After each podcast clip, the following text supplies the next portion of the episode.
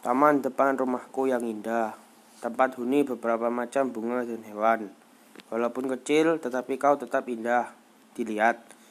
Keindahan itu harus tetap kita jaga, bukan hanya sebagian orang saja, tetapi kita semua. Demi menggapai lingkungan yang lestari. Cukup mulai dari hal sederhana, tak perlu repot-repot. Apa yang Anda lakukan sangat berarti bagi lingkungan ini. Lingkungan yang bersih membuat kita sehat, ekosistem seimbang membuat kita aman.